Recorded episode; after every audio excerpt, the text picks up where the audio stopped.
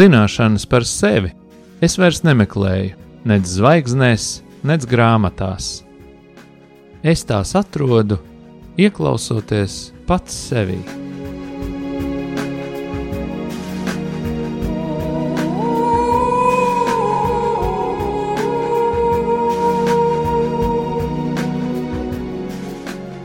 Raidījums Mīlestības terapija.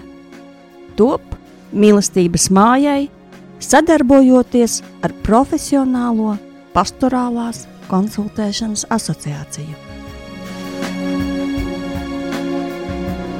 Sarunas par sevi, dzīvi, psiholoģiju un dvēseles terapiju.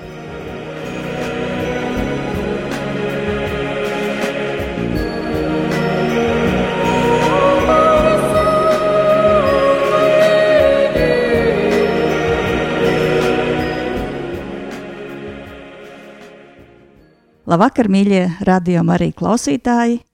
Prieks ar jums satikties, prieks būt kopā. Un šovakar studijā mūsu sarunās par dzīvi un par dažādiem jautājumiem, kas skar cilvēku, viņa būšanu, esmu aicinājusi atkal savu kolēģi, ģimenes sistēmisko psihoterapeitu. Gata līdumu. Labvakar visiem! Jā, un esmu aicinājis uh, tieši tam dēļ, ka mēs vēlamies parunāt par terapijas virzienu vai par konsultēšanas virzienu, kā par pastorālu konsultēšanas virzienu, kā par kristīgi, uh, tā skaļi pieteikt kristīgu terapijas virzienu, kristīgu konsultēšanas virzienu, jo ir ienākušies nu, vairāki tādi jautājumi no cilvēkiem, no brāļiem un māsām, kas interesējas par psiholoģiju, kas jau studē psiholoģiju, kas vēlās savu profesionālo karjeru nu, saistīt tieši ar konsultēšanas darbību. Un viņi jautā, Klau, kur varētu mācīties tieši kristīgu konsultēšanu? Nu, es gribētu tā strādāt. Un tad es vienkārši te varu piebilst, ka, protams, ir vairāki virzieni Latvijā, kur cilvēki mācās terapiju vispār kā tādu. Nu, tā ir profesionāla kvalifikācija, kas jāiegūst jebkurā gadījumā. Bet eh, nu, ja runā par kristīgu konsultēšanu, nu, tad ir vairāki ceļi. Viens ir kā tu, uh, Gatis, izstudējis teoloģiju, pēc tam iegūst šo terapeitisko kvalifikāciju. Nu, sanāk kopā tur tāds miks. Es uh, esmu studējis sekulāri, bet uh, pēc aicinājuma. Esmu kristīgs terapeits, un tādā veidā esmu sevi nu, iedrošinājusies arī sevi tā nosaukt un tā pozicionēt, jo es tā strādāju. Ir citi terapeiti, kas vispār par to nerunā un tādā veidā sev nepozicionē, bet viņi iekšēji kopja garīgu praksi, dzīvo garīgu dzīvi un nav problēmas viņiem runāt arī par kaut kādām cilvēka garīgām, varbūt procesiem, vērtībām, ja cilvēks to ienes terapijas procesā. Un ir ceturtie tipa terapeiti, kuri nu, tomēr šo ticības dzīvi uzskata par tumsonību, uzskata par slimību, uzskata, ka šis nav tas, ko cilvēks varētu ienest tajā terapeitiskajā sarunā. Bet tad cilvēkam bieži vien rodas jautājums, nu, ja es esmu ticīgs, tad, tad nu, man vajag kaut ko atrast līdzīgu, kurus varu to ienest, ja man tas ir svarīgi, nav tāda tēma, kur man jānoklusē, jānoslēpj. Tad tas vispār pret terapijas principiem kā tādiem ir. Nu, lūk, šādas pārdomas, un tad šie brāļi māsas saka, bet mēs gribam riktīgi pa kristīgo. Nu, mēs tā pa īstam gribam. Un ko tad darīt? Kā man mācīties? Jā, nu, Ina, paldies tev par jautājumiem. Man liekas, tu uzcēli nu, ļoti, ļoti, ļoti fundamentāls jautājums. Un starp citu, eh, ir jomas, un tādu ir diezgan daudz, kurās Latvija no tāda rietumu pasaules diskursa atpaliek par gadiem 20, 30 apmēram. Taču šī joma, ko tu tikko pacēli, nu, vai vispār ir kaut kāda specifiska kristīga terapija, un, ja jā, tad kāda tā ir un no kā tā sastāv? Šī jautājumā mēs esam turpat, kur pārējie meklējošie rietumu pasaulē, jo šis jautājums līdz šim brīdim nav vēl atbildēts. Vēl ar vienu notiek tādi centieni eh, ļoti nopietnu akadēmisku cilvēku un arī praktiķu vidū nu, saprast, kas tas ir. Jā. Un, uh, es varbūt iedošu tev to šī brīža konsensu, kā es to redzu, kā tas notiek pasaulē, un tad uh, skatāmies, kur mēs ar to varam aiziet tālāk. Un es sākšu maz atkāpt, tu minēji tos brāļus un māsas, kas grib to īsti kristīgo mācīties. Es arī kādreiz esmu sastapies ar tādiem cilvēkiem, un viņi pārsvarā ir bijuši tādi ļoti atvērti, godīgi, dedzīgi. Nu, mēs gribam šo. Un, ta, un tad, kad es ar viņiem parunāju mazliet dziļāk, tad es esmu sajūtis to vēlēšanos, nu, ka mēs tā kā gribētu pa ātro, pa fikso, pa efektīvo, nu, to kristīgo kā tādu brīnumu līdzekli. Mums vēl tikai ir jāpiemācās te mazliet, un tad jau tās lietas aizies. Un uh, tas, ko es esmu redzējis pēdējos, nu, es teikšu, tā es iezīmēšu droši vien 5 līdz 10 gadus. Tā visu laiku esot apritē ar tiem pasaules vadošajiem cilvēkiem, kas par to runā. Starp citu, pandēmija ir lieliska, lieliska iespēja un fantastisks laiks, jo šobrīd par ļoti demokrātiskām naudaiņām var pieslēgties jebkurai konferencei, jebkur pasaulē. Nekur nav jābrauc, nav jāmaksā par viesnīcu, par lidojumu. Ja? Es sēžot pie sava rakstām galdiņa, mierīgi piedalos konferencē, klausos un sarunājos ar cilvēkiem. Tā Tā tad ir ļoti viegli turēt pirkstus pulsā arī šajos jautājumos, un tas konsens, kāds šobrīd ir, pēdējos, nu tā tad es teicu, piecos, desmit gados, ir tāds, ka jā, mēs varam runāt par kaut kādu specifisku, kristīgu, terapeitisku virzienu. Noteikti. Es vēl pirms pāris gadiem dzīvojā, vēl tad, kad mums tā sērga nebija izplatījusies, tā pēdējā reize, kad es aizbraucu uz vienu pasaules kongresu, Man bija fantastiski iespēja divas dienas pēc kārtas brokastis paēst ar eh, profesoru Eriku Džonsonu. Un, uh, viņš ir uzrakstījis divus foliantus pēdējo desmit gadu laikā - kristīgā psiholoģija un uh, kaut kas tur otrs bija par kristīgo terapiju. Tas virziens, kurā viņš iet, ir tas, ka viņš uzsver, ka tās kristīgās terapijas ir nenormāli grūtas, smagas un ilgas mācību procesā, jo ir jāaptver ļoti plašs laukums. Ja, ja tu mācies kaut kādu vienu uh, normālu, sekulāru psihoterapijas skolu, tad uh, nu, tev ir jāzina visas tās skolas ietvaros, un kaut kas mazliet vēl, nu, varbūt tāds konteksts apkārt, nu, kā, kā tas viss izskatās.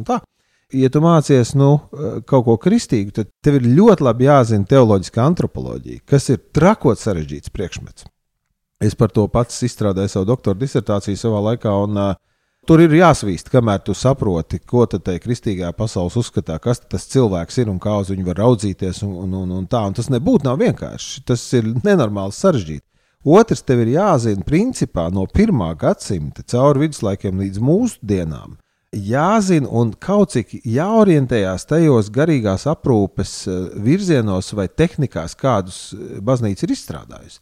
Jo nevienam nav noslēpums, ka tīri vēsturiski pirmās trako mājas visas bija baznīca un klostera paspārnē, kur cilvēkus ar kaut kādiem, nu, tā kā mēs tagad sakām, psihoneiroloģiskām saslimšanām, par viņiem rūpējās tur. Tas ir viens, bet otrs arī, ka baznīcā jau no pirmajām dienām faktiski ir klātesošas dažādas meditāciju un vizualizāciju tehnikas un, un, un lūkšanu tehnikas, kuras pēc mehānikas ir psihoterapeitiskas lietas. Ja? Tad tas vēl viss ir jāpārzina. Un tad trešais, kas tev ir jāpārzina ļoti labi, ir vismaz viens no psihoterapijas novirzieniem, tev jābūt izstudējušam, certificētam un tā. Un tad, kad tu visu šo saliec kopā, nu tad tu varētu būt kaut kas tāds, kas apmēram saucās kristīgs terapeits.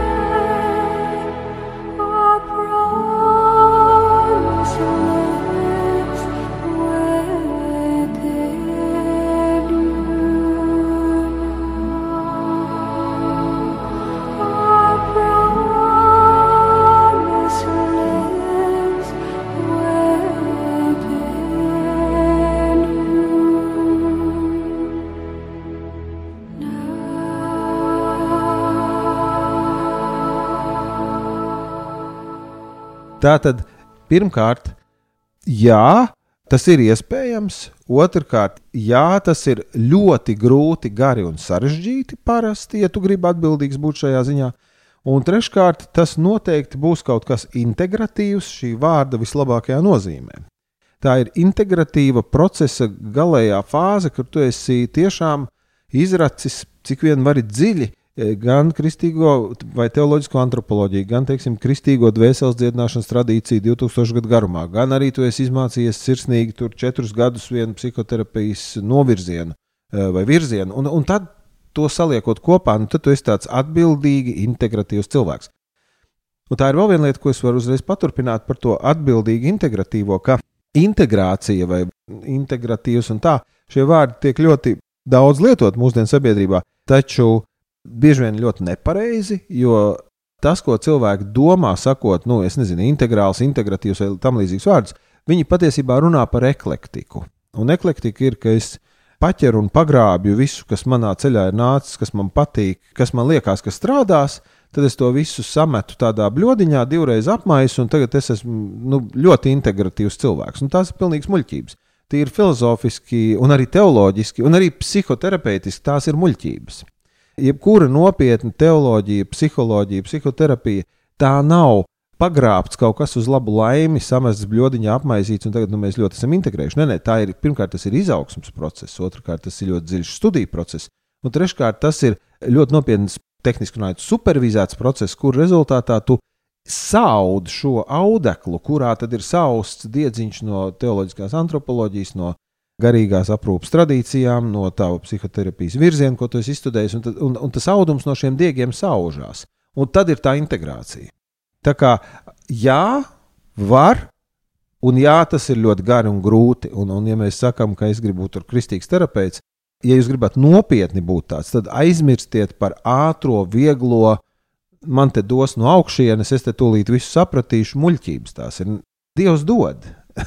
bet Dievs dod tā saprātīgi. Ja? Jo es nezinu, kāpēc kristiešu starpā, nu, kad mēs runājam par tām terapeitiskajām lietām, kaut kā kristieši nereti attiecās ar tādu pārgalvīgu vieglumu pret šiem jautājumiem. Ja? Jo es vēl neesmu sastapis kristieti, kurš teiktu, nu, es tagad palūkšu, un par mani nāks svētā gara dāvana, un es rīt no rīta būšu neiroķirurgs. Nu, mierīgi. Dievs taču svētajā garā man var dot, ja es tagad iešu operāciju zālē, nu, zāģēšu vaļā galvas kausu, sākšu rakņāties smadzenēs, tur cilvēkiem novērst kaut kādas, nezinu, insulta sekas vai kā. Neviens neko tādu nesaka, jo saprot, ka Dievs nedos, jo tā tas nenotiek. Bet, eh, jā, es tagad palūkšos, un svētais gars rīt no gultas ceļoties man ļaus būt brīnišķīgam psihoterapeitam. To gan tādā vieglumā viņi mēdz palūgt reizēm, un tā ir tikpat liela muļķība un ķecerība kā pieņemt, ka rīt no rīta Dievs man ļaus pamosties kā neiroķirurgam. Nu, mīļie ļaudis, halo, tas tā nenotiks. Jums ir ļoti ilgi un gari jāmācās, bet labā ziņa ir, ka to var izdarīt. Jā, Dievs nav atcēlis strādāšanu, rakšanu, mācīšanos, meklēšanu. Tas nav atcelts. Ka mēs lūdzam, bet darām. Un tad jau kaut kur var tā nonākt solīt pa solītam. Nu, jā, man gribas tāds no diviem aspektiem apskatīties uz šo visu, ko tu runāji. No vienas puses, man gribētos parunāt par to, kādas tad prasmes. Tu saki, nu jā, nu, prasmes iekšējas. Es domāju, viens mēs runājam par zināšanām, tas skaidrs. Es domāju, ka šeit nav diskusija, tu ļoti izsmeļoši un skaidri to pateici, pamatoji, un tur pat nav daudz jautājumu. Nu, tā ir. Viennozīmīgi tā ir, un forši, ja ir tāda vieta, kur to var mācīties. Es ceru, ka būs mums tepat Latvijā, ka tas dzims bet par to mazliet vēlāk. Bet no otras puses ir šīs iekšējās prasmes, ar ko būtu jārēķinās cilvēkam, pirms viņš vispār izvēlas tādu ceļu. Jo katram šim ceļam, gan garīgajam ceļam, gan šajā gadījumā, nu, psihoterapija, tas arī specifiski garīgs ceļš. It sevišķi, ja mēs runājam par tādu kristīgu virzienu, tas ir ļoti specifiski iekšēji garīgs ceļš, nu, kur tev arī jāņem līdzi drosme mantojumā, jāņem līdzi tāda vēlme uzzināt patiesību, saprast patiesību un galvenokārt jau pašam par sevi, jo kā gan tu citādāk varēsi nu, palīdzēt otram, to saprast, tā ir arī tāda drosme ieskatīties varbūt kādās patiesībās, kas ir sāpīgas, Un, ja cilvēks izvēlās inženieru profesiju, piemēram, arhitekta profesiju, tad viņš var nedomāt par šīm lietām, kas esmu es. Viņš var domāt, bet viņš var arī nedomāt tik dziļi, kā tas būtu jādomā terapeitam. Jo terapeits tomēr pats ir instruments šajā procesā. Galvenokārt, nu, tā tad, nu, kas tad būtu, ja ķirurgs grieztu ar netīru skalpeli? Traki būtu tāpat, ja es esmu netīrs instruments, ja es nevaru ieskatīties savā kādā baidos, tad man būs bailes arī ar to otru cilvēku tur ieskatīties, un tas ļoti saistīts. Un tātad kādas prasmes, kādas personības iezīmes, varbūt kāda tāda cilvēciska specifikācija vajadzīga cilvēkam, kurš gribētu iet šo ceļu.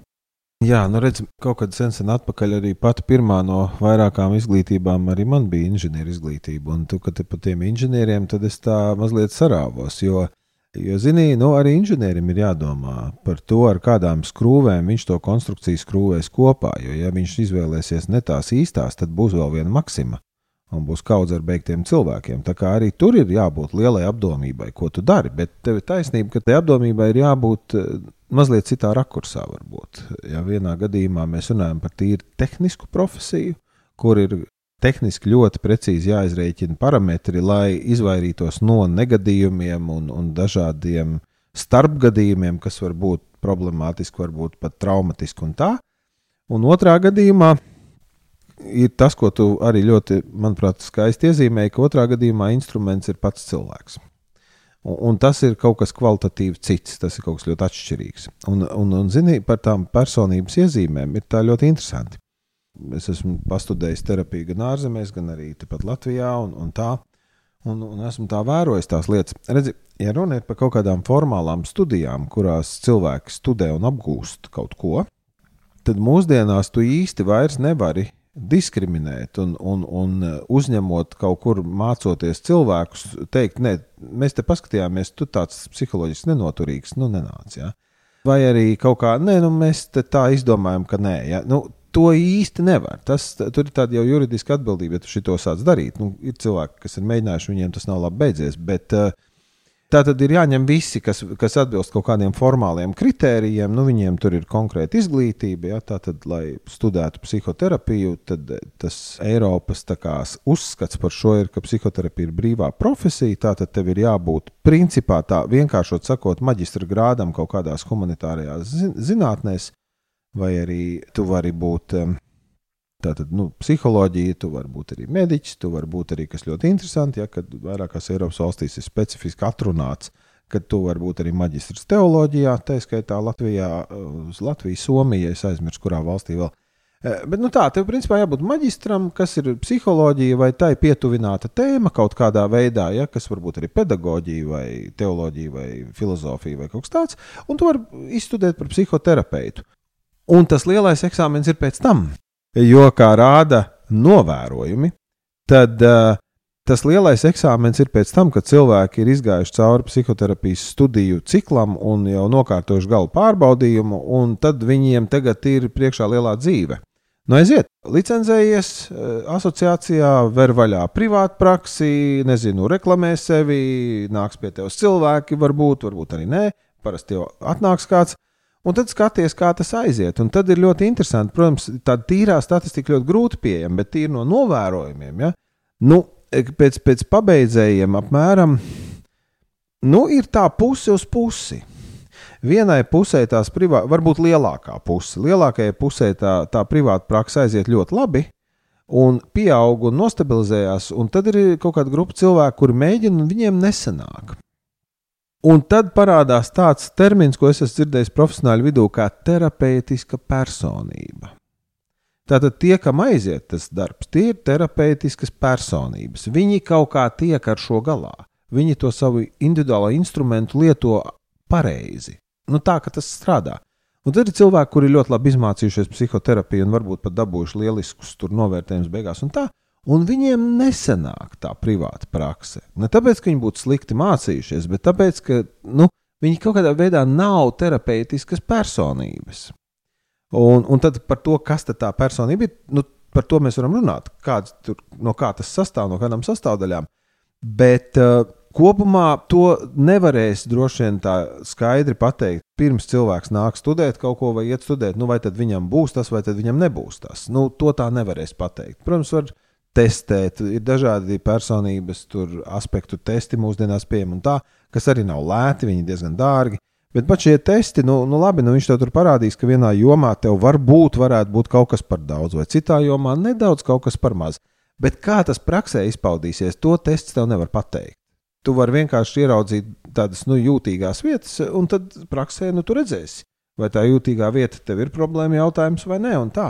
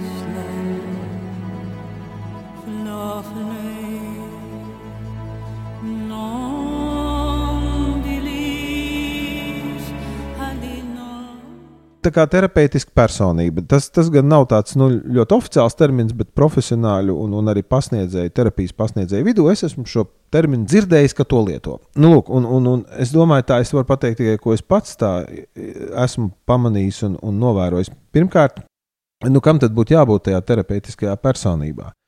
Es domāju, pirmkārt, tai ir jābūt fenomenālai neatlaidībai un, un nenormālām darba spējām. Bez tā nekas nebūs. Ja? Šī, šī ir tā joma, kur bez šī nekas nebūs. Tāpēc, ka pirmkārt tas process ir grūts, jo tev visu laiku ir jāstrādā pašam ar sevi. To ir tas instruments, caur kuru šī mācīšanās notiek. Otrakārt, tas ir gari. Nu, nav nekāds ātrais. Ja nu, mēs te psihoterapiju iemācīsimies vienā gadā, nu, smieklīgi. Nu, ja kāds tā saka, beidziet no šī cilvēka, to nav iespējams izdarīt. Ja? Tas ir garš process. Ja? Tātad, tur jābūt neatlaidīgam, darbspējīgam. Tu nevari tā kā atlaist un pagurt kaut kādā brīdī, jo tev ir jāiet tālāk. Tu apgūsi šo līmeni, tu ej uz nākamo līmeni, tu, tu apgūsi to, tu ej tālāk, jo vēl ir kur mācīties. Tātad tas otrkārt, cilvēkam ir jābūt ar biezu ādu attiecībā uz sevi.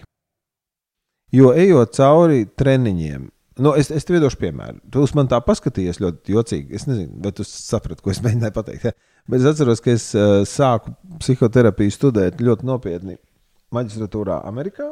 Tas bija jau diezgan sen, kad es tur biju, bet nu, tur tas sākums bija. Un tad uh, vienā terapijas kursa beigās, viena, tas bija ievadkurs pat, tas nebija vēl nekāds avansēts kurs. Mums bija video treniņa eksāmens. Respektīvi, mums bija pilna sesija, kaut kādas 45 minūtes. Mums bija video kameras priekšā jāterapē kaut kāds cilvēks.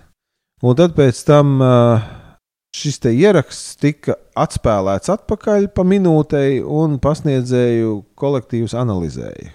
Tātad pa minūtei, kas tur notiek un tā. Tad, kad es to darīju, kameras priekšā, man likās, ka es diezgan labi novadu to sesiju. Nu, bija laba sajūta. Es domāju, jā, mēs kaut kur tikām klāta. Un tad, kad es redzēju, kā es izskatos tajā video, man gribējās kaut zeme atvērtos un manis vairs nebūtu. Nu, tas izlums, ko es redzēju uz tā ekrāna, tas izlums biju es. Kinestētika galīgi garām, tur mīmikas kaut kādas ārprātīgas, tur rokas ne tur, kājas ne tur, vēl kaut kādas tostīšanās, ārprāts. Ja? Bet tev to ir jāvar izturēt. Ja tu gribi būt terapeits, tev ir jāvar to izturēt, redzēt pašam sevi, bieži vien neadekvātā, neglītā kaut kādā gaismā, un tur ir kaut kādi vecāki vai pieredzējušāki kolēģi, kuriem saka, klau, šī tā nevar, dari tā, un tev ir jābūt gatavam, nu, pieņemt to. Un, ja tev ir ļoti, nezinu, kaut kāds zems pašnovērtējums ar kaut kādām neirotiskām aizsardzībām, ko tu gadiem esi izstrādājis, tu jau to neizturēsi vienkārši. Tu apraudāsies un apvainosies uz visiem pasniedzējiem pie pirmās video treniņa analīzes, un tad tu skries pa ielu un nezinu, rakstīs internetā anonīmus komentārus, ka visi psihoterapeiti ir kaut kādi dumji un kaut kā. Tu to neizturēsi. Tad, tas ir vēl viens, ka tev ir jābūt biezai ādai, lai tu spētu kritiski ar sevi strādāt un neapvainoties, kad kāds cits tev norāda, te ir tava vājā vieta.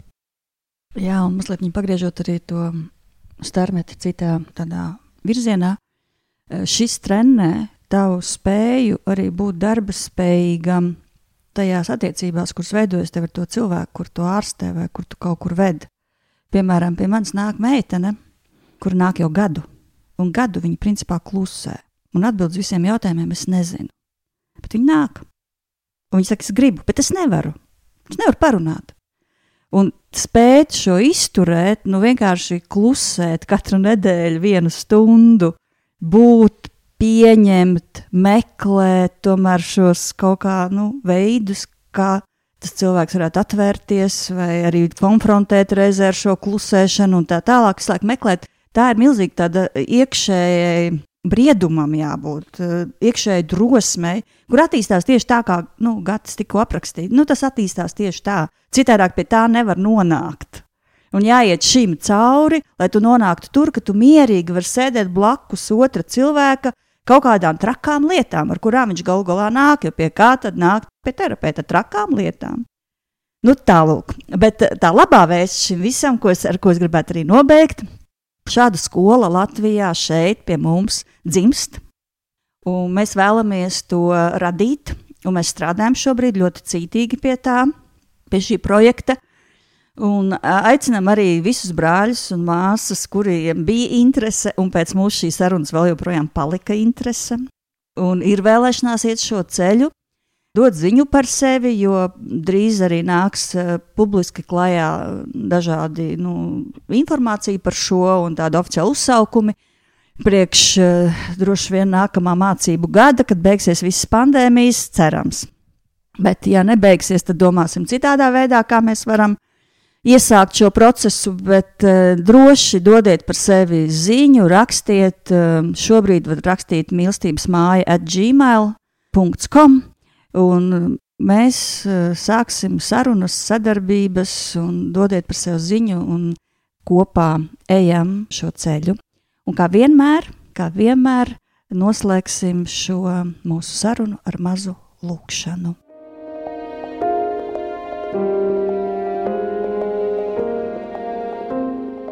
Mīļais debesu Tēvs, es tev pateicos par katru cilvēku, kuram ir aicinājums, un pateicos arī par to cenu, kuru tu prasi no mums, ejot aicinājumu ceļu. Es tev pateicos, Tēvs, un pateicos par katru cilvēku, kuram ir šis terapeita aicinājums, konsultanta aicinājums. Tev pateicos, Kungs, par iespēju veidot um, šādu terapeitisku skolu, kā pastorālu skolu, kā skolu, kuras centrā esi tu un zināšanas par tevi. Un tādas dziļas, nopietnas zināšanas es tev pateicos, Tēvs, lūdzu, ka tu svētī, svētī gan šos cilvēkus, kas mācīsies, gan mūs, kas pasniegsim, gan tos cilvēkus, kuri tiks ārstēti un dziedināti caur šiem nākotnes terapeitiem. Es tev tiešām lūdzos un pateicos par tavu plānu, par tavu brīnišķīgo dziedināšanas plānu.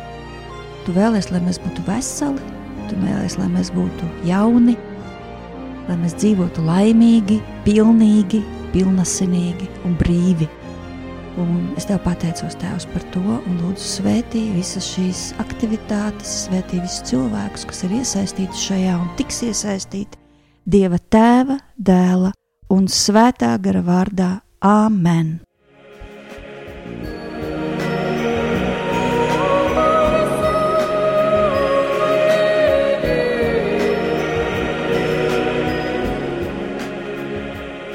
Jūs klausījāties raidījumu mīlestības terapija. Raidījums var noklausīties Radio Marija mājaslapas arhīvā un YouTube kanālā Mīlestības māja.